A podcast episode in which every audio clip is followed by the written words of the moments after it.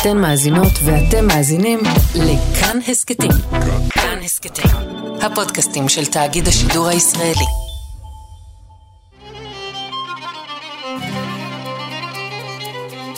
אתם מאזינים לכאן מורשת. כאן מורשת. חברותה עם ידידיה תנעמי.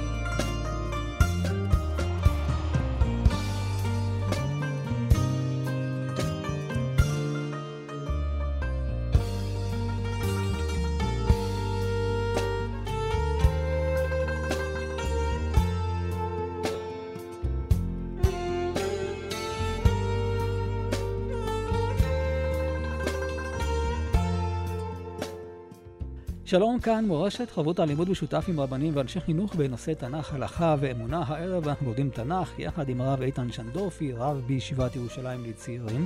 וכאן ליד המיקרופון, ידידיה תנעמי, שלום לך כבוד הרב. שלום וברכה. אנחנו רוצים ללמוד את ההפטרה השנייה של ימי בין המצרים. ההפטרה מפרק ב' בספר ירמיה, היא פותחת בנבואת תוכחה של הנביא על עם ישראל. הנביא מוכיח את העם על עוזבם את השם ועל בחירתם בעבודה זרה. ולכאורה ההפטרה הזאת היא הפטרה שהיא עומדת בפני עצמה, כי זו ההפטרה שצריך לקרוא בימי בין המצרים. השאלה אם עדיין אולי יש קשר לפרשת מסע שאנחנו קוראים.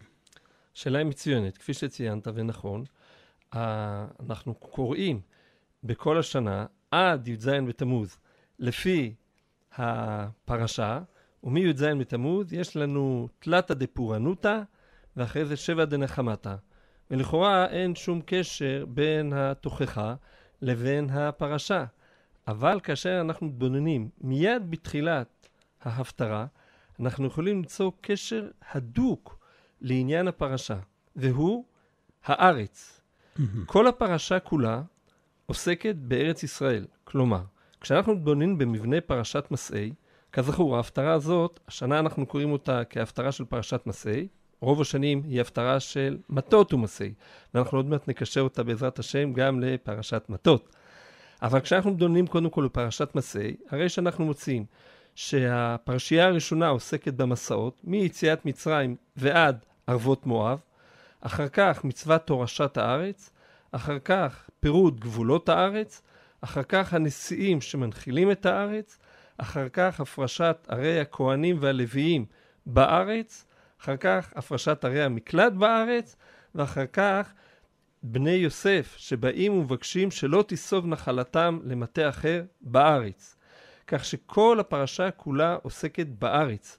והנה, ההפטרה מיד בפסוקים הראשונים, אחרי הפתיחה, שימו דבר השם בית יעקב, כה אמר השם המצאו אבותיכם בעוול, פסוקים ו' וז', ולא אמרו היה השם המעלה אותנו מארץ מצרים, המוליך אותנו במדבר, בארץ ערבה ושוחה, בארץ צייה וצלמוות, בארץ לא רב ארבע איש ולא ישב אדם שם, ואביא אתכם אל ארץ הכרמל, לאכול פריה וטובה, ותבואו ותטמאו את ארצי, ונחלתי שמתם לתועבה.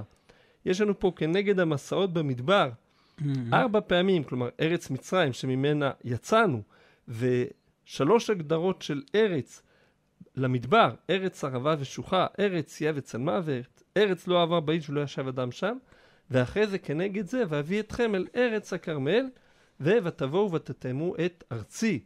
כלומר, זאת לא רק ארץ ישראל, זה לא רק ארץ משובחת ביערות, שנקראת פה ארץ הכרמל, אלא היא ארץ השם. ובזה, אה, מלבד הקשר לפרשת מסעי שהזכרנו, יש לנו פ... קשר גם הדוק לסוף פרשת מטות. כזכור, בסוף פרשת מטות, קראנו בשבוע שעבר, שבני גד ובני ראובן ביקשו את נחלתם בעבר הירדן.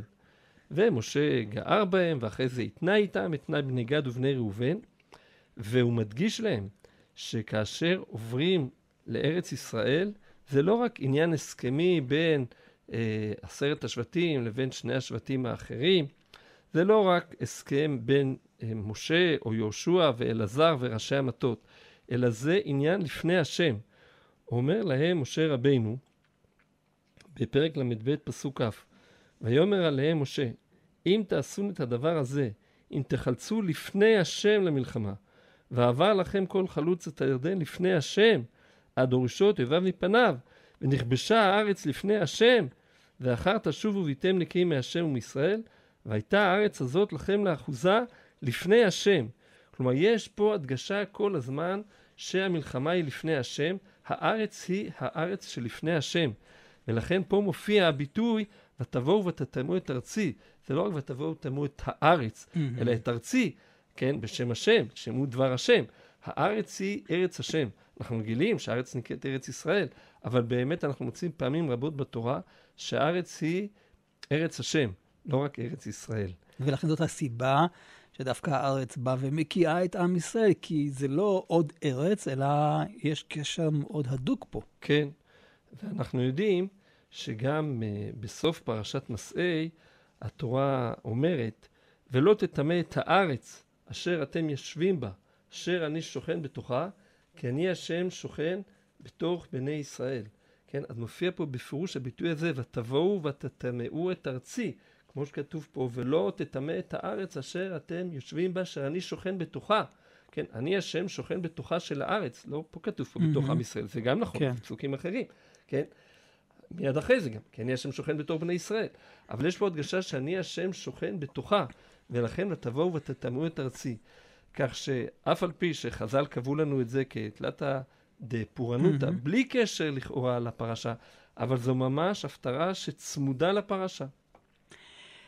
האם הקשר הזה הוא הקשר היחידי? כי הרי אנחנו יודעים שגם בהתחלה, שאנחנו בעצם קוראים את הפסוקים הללו בהפטרה הקודמת, מדברים על הניגוד הזה שבין המדבר ובין ארץ ישראל.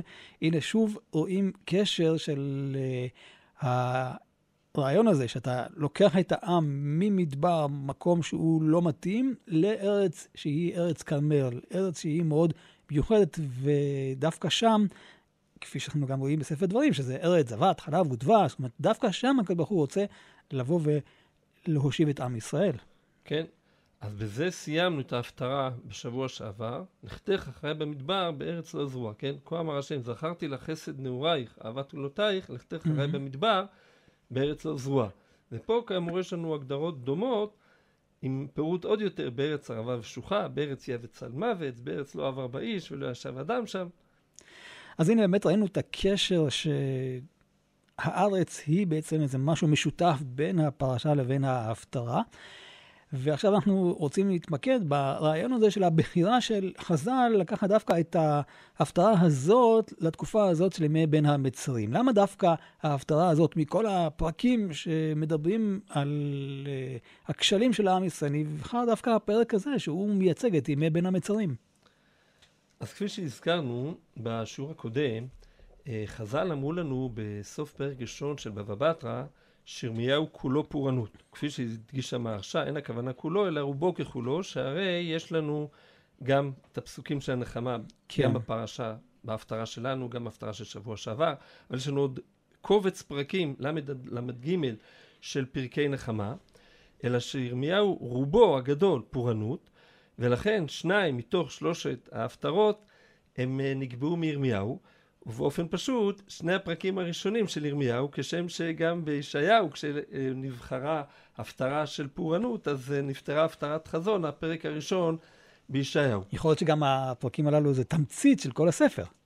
ייתכן מאוד, אבל כפי שאמרנו, ברגע שאנחנו מוצאים את הקשר ההדוק הזה למסעי, כן, אז ברור שההפטרה הזאת היא מתאימה דווקא למסעי, ועוד שאנחנו את ההפטרה הזאת קוראים כבר בחודש אב, ויש בהפטרה הזאת רמז לחודש אב. בפסוק כ"ד נאמר, פרא לימוד מדבר, באהבת נפשה שאפה רוח, טענתם ישיבנה, כל מבקשיה לא יעפו, בחודשה ימצאונה. אז הפסוק הזה הוא קשה ואולי נדבר עליו בהמשך, אבל מכל מקום, בתור פתיחה, מדוע מהמם. נקבעה ההפטרה הזאת כאמצעית מתוך תלתא דפורענותא, על המילים בחודשה ימצאונה, אומר רש"י, כל מבקשיה לא יעפו, על חינם יעפו, שלא יוכלו להשיגה.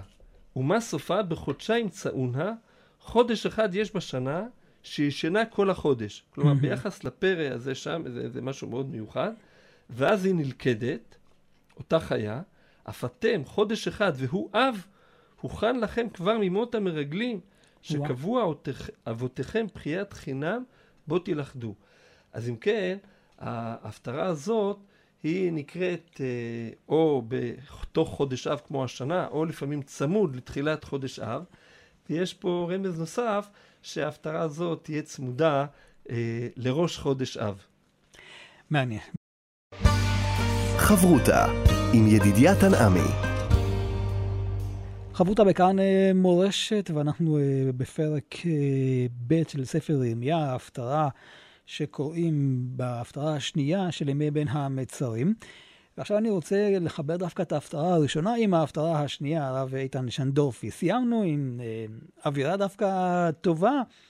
הנביא אומר, אה, הלוך וקראת באוזני ירושלים לאמור, כה אמר שזכרתי לך חסד נעורייך, אהבת כלולותייך, לחצך אחריי במדבר, בארץ לא זרועה. והנה, הכל מתהפך. כשמגיעים לארץ, פתאום יש כפיות טובה, עם ישראל לא זוכר את הקדוש ברוך הוא. זה לא מובן. דווקא במקום כמו המדבר, שהיה מאוד קשה, עם ישראל במסרות נפש. והנה כשמגיעים לארץ והכל טוב, דווקא שם העם לא זוכר, לא מעריך את מה שהקדוש ברוך הוא עושה ועוזב את השם? כן, אז באמת השאלה הזו היא לכאורה שאלת הנביא, שהוא לא עונה עליה, אבל יש עליה תשובה בספר תהילים. ומקור התשובה הוא כבר בפרשה שלנו, בפרשת מסעי. כן. בספר תהילים, במזמור ק"ו, נאמר כך, פסוק ל"ד: לא השמידו את העמים אשר אמר אדוני להם, ויתערבו בגויים, וילמדו מעשיהם, ויעבדו את עצביהם, ויהיו להם למוקש, ויזבחו את בניהם ואת בנותיהם לשדים, וישפכו דם נקי דם בניהם ובנותיהם אשר זיבחו לעצבי חנן, ותחנף הארץ בדמים. ויטמעו במעשיהם, ויזנו במעלליהם. וייחר אף אדוני בעמו, ויתעב את נחלתו. ויתנם ביד גויים, וימשלו בהם שונאיהם. אם כן, במדבר, גם אנחנו יודעים שבני ישראל נכשלו בחטא העגל כשמשה עזב אותם, mm-hmm. אבל במדבר בני ישראל היו מבודדים מהעמים. באמת קראנו בפרשיות האחרונות, ברגע שהתקרבו כבר לארץ כנען ובאו בנות מואב, אז הכשילו את ישראל. עם ישראל צריך כל הזמן לדעת, הן עם לבדד ישכון ובגויים לא יתחשב. ברגע שהוא מתחבר אל העמים, הוא עלול ללמוד מהם. דרכו של אדם, שהוא, כשהוא מתחבר למישהו, הוא לומד ממעשיו, הן הטובים, הן הרעים. ולכן התורה מזהירה כל כך בפרשתנו, פרשת מסעי. בפרק ל"ג, פסוק נ', נאמר כך: וידבר אדוני אל משה בערבות מואב, על ירדן ירחו לאמור. דבר אל בני ישראל ואמרת עליהם, כי אתם עוברים את הירדן אל ארץ כנען, והורשתם את כל יושבי הארץ מפניכם, ואיבדתם את כל משכיותם, ואת כל צלמי מסכותם תאבדו, ואת כל במותם תשמידו, והורשתם את הארץ, וישבתם בה, כי לכם נתתי את הארץ לרשת אותה. והתנחלתם את הארץ בגורל למשפחותיכם וכולי. ואם לא תורישו את יושבי הארץ מפניכם, והיה אשר תותירו מהם לסיכים בעיניכם, ולצנינים בצדיכם, וצררו אתכם על הארץ אשר אתם יושבים בה, והיה כאשר דימיתי לעשות להם, אעשה לכם. מה השם דימה לעשות להם? לגרש אותם מהארץ. וכיוון שבני ישראל, אם הם לא מקיימים את מצוות השם, הם לא מרושים את יושבי הארץ, הם לא מבטלים את כל העבודה זרה שיש בארץ, והם לומדים מהגויים, אז בסופו של דבר, השם מגרש אותנו מהארץ, וזה מה שאנחנו מוצאים בפרקי התוכחה. אני חושב ש... בסופו של דבר באה הגלות. כן, יש כאן הסבר, אבל לדעתי לא מספיק. כן. כי, שוב, אם אני חוזר לשאלה, אני מבין שאפשר ללמוד ולחקות את הגויים, אבל למה זה קורה? זה בדיוק מה שהנביא כאן שואל, מילא לעזוב את השם. אבל עוד ללכת לגויים, זאת אומרת, יש כאן עניין של להחליף, כן, את הקדוש ברוך הוא בעבודה זרה. עד כדי כך העם יורד במדרגה כזאת שהוא לא מבחין בין טוב לבין רע? אז כמובן, קודם כל, שזה מתחיל מזה שלמדו מהגויים. כלומר, אם לא היו מתחברים. מתחברים לגויים, אז לא היה את זה. אלא מה?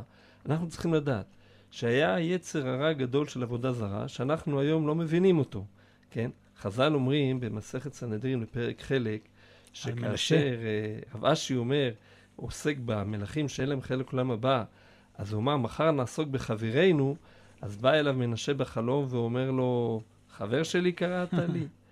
אני לא חבר שלך. בוא אני אשאל אותך שאלה, נראה אם אתה יודע לענות. אתה יודע מאיפה בוצעים על הלחם? אז הוא אומר לו, נכון, אני באמת לא יודע, בוא תלמד אותי. אז הוא מלמד אותו. ואז הוא אומר לו, אבל אם אתם כל כך הייתם חכמים, אז איך עבדתם עבודה זרה? אז הוא אומר לו, אם אתה היית בתקופה שלי, היית תופס במעיל שלי ורץ אחריי. כיוון שהיה יצר הרע גדול לעבודה זרה. כלומר, היצר הגדול לעבודה זרה, בעצם זה היה יצר טוב, להשתוקק, להידבק בהשם. אלא שכאשר לא הוציאו את הדברים בדרך הנכונה, כן, הוא לא היה מכוון נכון. כן, אז הם טעו. בעבודה זרה. וזה מה שבני ישראל היו צריכים לעשות, וזה מה שהתורה כל הזמן מזהירה, לא להידבק בגויים, לא להיכשל, לא לסטות ימין ושמאל, ולא ללכת אחרי עבודה זרה, כן. אלא כל הזמן ללכת בדרך השם. אז זה מצד אחד היצר הגדול, אבל אם אנחנו נשמרים, אז אנחנו יכולים להיזהר. ואם לא נשמרים, אז עלולים להיכשל. עכשיו, יש פה עוד דבר נוסף, שהנביא, גם כן, אולי יש פה איזה בעצם ביקורת כלפי מנהיגי העם. זהו, כי לכאורה, אם העם טועה, צריך שמישהו יכוון אותו, נכון. מורה ההוראה. נכון. אז על זה אומר הנביא בפסוק ח', הכהנים לא אמרו אהיה השם, ותופסי התורה לא ידעוני, והרועים פשו בי, והנביאים ניבאו בבעל, ואחרי לא יועילו הלכו. יש פה ממש את כל שדירת הפיקוד. כן. אז זה באמת מצב נורא. כשיש נביאי שקר, כמו שגם למדנו על אליהו, שהוא שחט את נביאי הבעל, כן? אבל היו גם נביאים, נביאי שקר סתם, שרצו שהעם יאהב אותם, ולכן הם ניבאו נבואות נחמה, כפי שאנחנו מוצאים בהמשך ספר ירמיהו. ואנחנו יודעים שהביקורת הזאת שירמיהו עכשיו אומר, בעצם היא ביקורת שלא מכוונת רק כלפי הדור הזה, אלא היא כבר הולכת אחורה עד התקופה שנכנסו לארץ. יש לנו ביקורת נוקבת מאוד במדרש חז"ל בשם תנא דבי אליהו, בפרק י"א, נאמר שם כך: ושמא תאמר, אותם שבעים אלף, כן, קרוב לשבעים אלף, שנהרגו בגבעת בנימין, במלחמה, מלחמת האחים הנוראה שבין ישראל לבנימין בעקבות מעשה פילגש בגבעה. אז נהרגו שם כ-65 אלף. שואל המדרש מפני מה נהרגו? מה פירוש מפני מה נהרגו? כתוב, הם נלחמו אחד בשני, וכן. ולמה נלחמו? נלחמו בגלל שהתעללו בפילגש. נו, אז מה, מה הנביא שואל? לא, הוא שואל, שואל המדרש, מה השורש של הכל? אומר המדרש, לפי שהיה להם לסנהדרי גדולה שהניח משה ויהושע, ופנחס בן אלעזר עמהם. היה להם ללך ולקשור חבלים של ברזל במותניהם, ולהגביה בגדיהם למעלה מעקובותיהם, ויחזרו בכל עיירות ישראל. יום אחד ללכיש, יום אחד לבית אל, יום אחד לחברון, יום אחד לירושלים, וכן בכל מקומות ישראל. וילמדו את ישראל דרך ארץ, בשנה ובשתיים ובשלוש, עד שיתיישבו ישראל בארצם, כדי שיתגדל ויתקדש שמו של הקדוש ברוך הוא בעולמות כולם שברא, מסוף העולם ועד סופו. והם לא עשו כן, אלא כשנכנסו לארצם, כל אחד ואחד מהם נכנס לחרמו ולעינו ולשדהו, ואומרים שלום עלייך נפשי, כדי שלא להרבות עליהם את הטורח. כך שנו חכמים במשנה, הווה ממעט בעסק ועסוק בתורה. ואז קרה מה שקרה, ושוב, להבין את העניין הזה של פילגש בגבעה, איך ייתכן שבני בנימין דווקא נכשלו בכזה דבר איום ונורא שמזכיר לנו את מעשה סדום? הרי חז"ל אומרים לנו שבנימין, הצדיק עצמו, היה אחד מארבעה שמתו בעטיו של נחש. כלומר, לאורך כל הדורות מצאו חז"ל ארבעה צדיקים שלא היה להם חטא שהיו ראויים למות בגללו, אלא רק בגלל שנגזרה גזירת מיתה על כל המין האנושי מאותו החטא של אדם הראשון בעקבות הסתתו של הנחש. ואחד מהם הוא בנימין. אז איך ייתכן שבנימין הצדיק בסוף בניו נכשלים בדבר כזה? אלא שגם זה מתחיל מהכנענים. כאשר אנחנו קוראים את פרשת הגבעונים ביהושע פרק ט', שהטעו את ישראל לומר שהם ארץ רחוקה, ובני ישראל השתכנעו מהשקר שלהם, אז בסופו של דבר השאירו את כל הגבעונים, כיוון שנשבעו להם ולא רצו שיהיה חילול השם שעוברים על השבועה. ושם נאמר, ביהושע פרק ט' פסוק י"ז, ויסעו בני ישראל ויבואו אל עריהם ביום השלישי, ועריהם גבעון והכפירה ובארות וקריית יערים. וכאשר אנחנו מתבוננים בנחלת שבט בנימין, ביהושע, פרק י"ח בסופו, מפסוק כ"א, והיו ערים למטה בני בנימין, אנחנו מוצאים שם את גבעון ובארות והכפירה וקריית יערים. כל ארבע הערים הללו שבהם ישבו הגבעונים, וואו. הם היו בנחלת בנימין. ולכן בני בנימין למדו את מעשיהם הרעים של הגבעונים, שהיו אחד מעמי כנען, ומתוך כך הם נכשלו בעניין הנורא הזה של ההתעללות בפילגש, ועל זה יצאו בני ישראל כולם למלחמת אחים, כדי לבאר הרעה הזו שלא התנהגו כמו כנענים. ועל זה אומר המדרש שהכל מתחיל בזה שהסנהדרין הגדולה הייתה צריכה ללכת וללמד את כולם תורה. וזה בעצם מה שאומר פה הנביא ירמיהו בהפטרה שלנו, הכהנים לא אמרו איה השם, ותופסי התורה לא ידעוני, והרועים פשוב בי, והנביאים ניבאו בבעל, וכן לא אילו הלכו.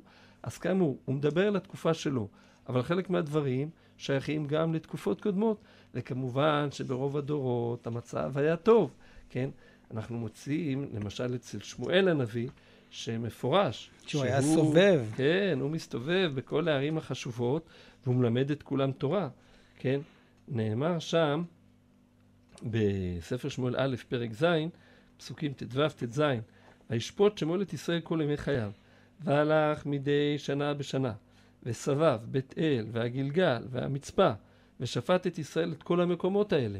תשובתו הרמתה כשם ביתו, ושם שפט את ישראל, ויבן שם מזבח להשם. כלומר, מתוך הוא שהוא התיקון. מסתובב בכל המקומות, אז גם יודעים איפה הוא נמצא, וגם באים אליו, כן?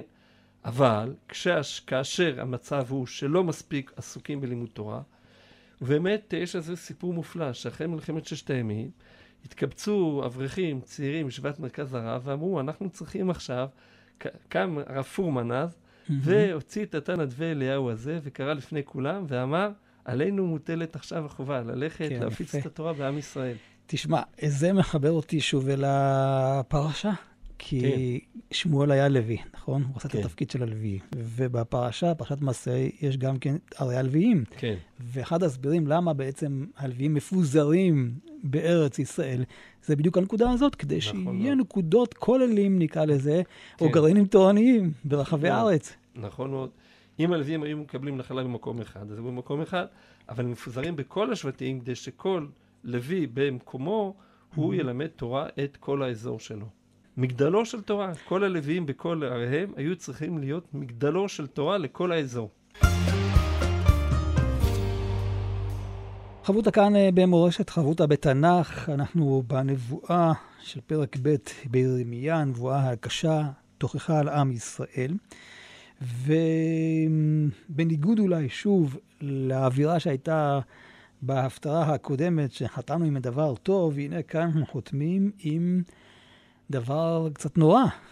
אין אופציה לתשובה, זה נראה כאילו נסגרה התשובה, וזה מזכיר לי שוב אה, את הסיפור שמופיע גם בספר ישעיהו, שכביכול ננעלו דלתי תשובה. כן, יש פה פסוק קשה מאוד, שחז"ל עימתו אותו עם נבואה אחרת של ירמיהו בעוד שני פרקים. כלומר, נאמר בפסוק כ"ב, כי אם תחפשי בנתר ותרבי לך בורית, נחתם עוונך לפניי נאום השם אלוקים. כן, נחתם בכף, לא בחטא. כמו לא כתם. לשון חתימה, אלא לשון כתם. אבל בכל אופן, זה נראה כאילו לא יעזור שום דבר.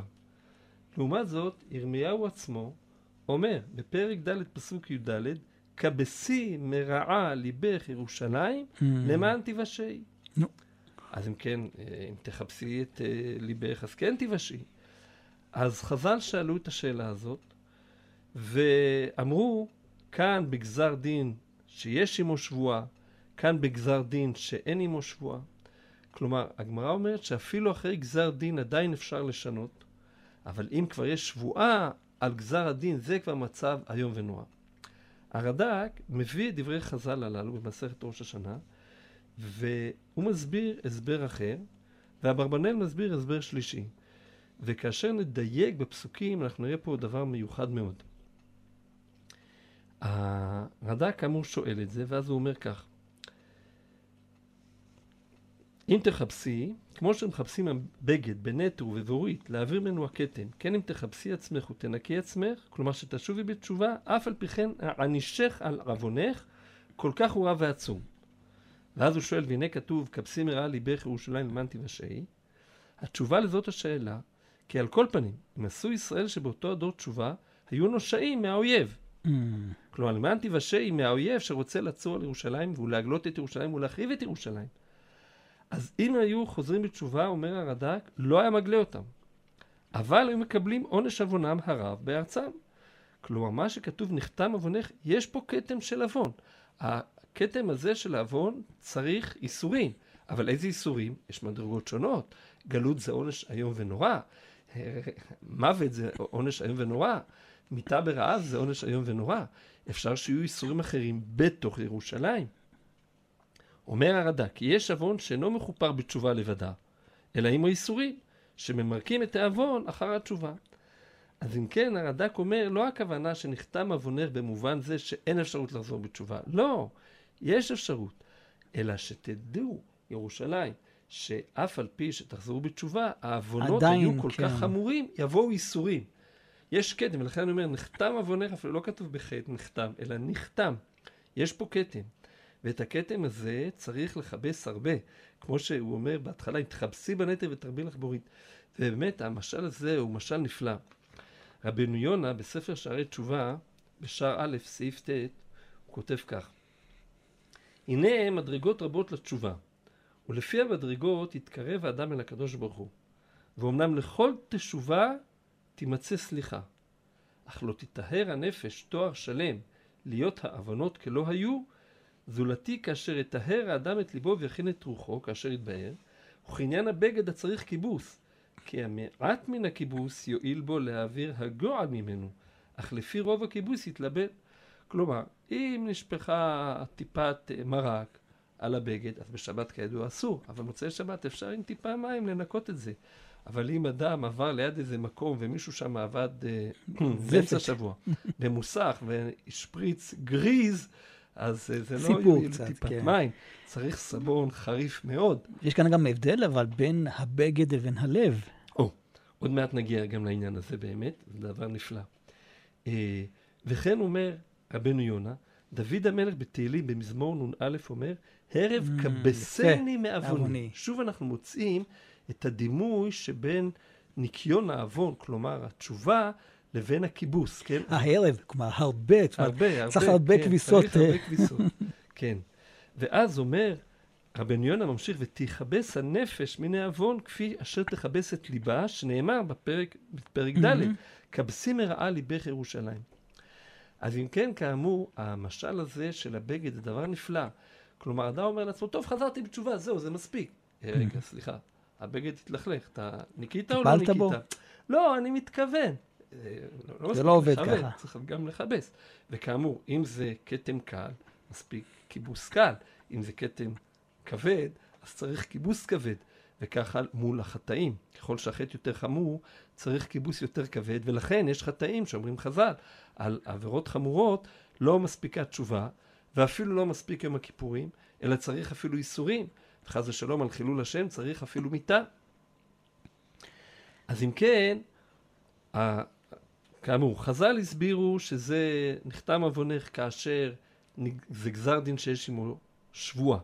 הרד"ק הסביר, נחתם עוונך, אבל לא יגלו.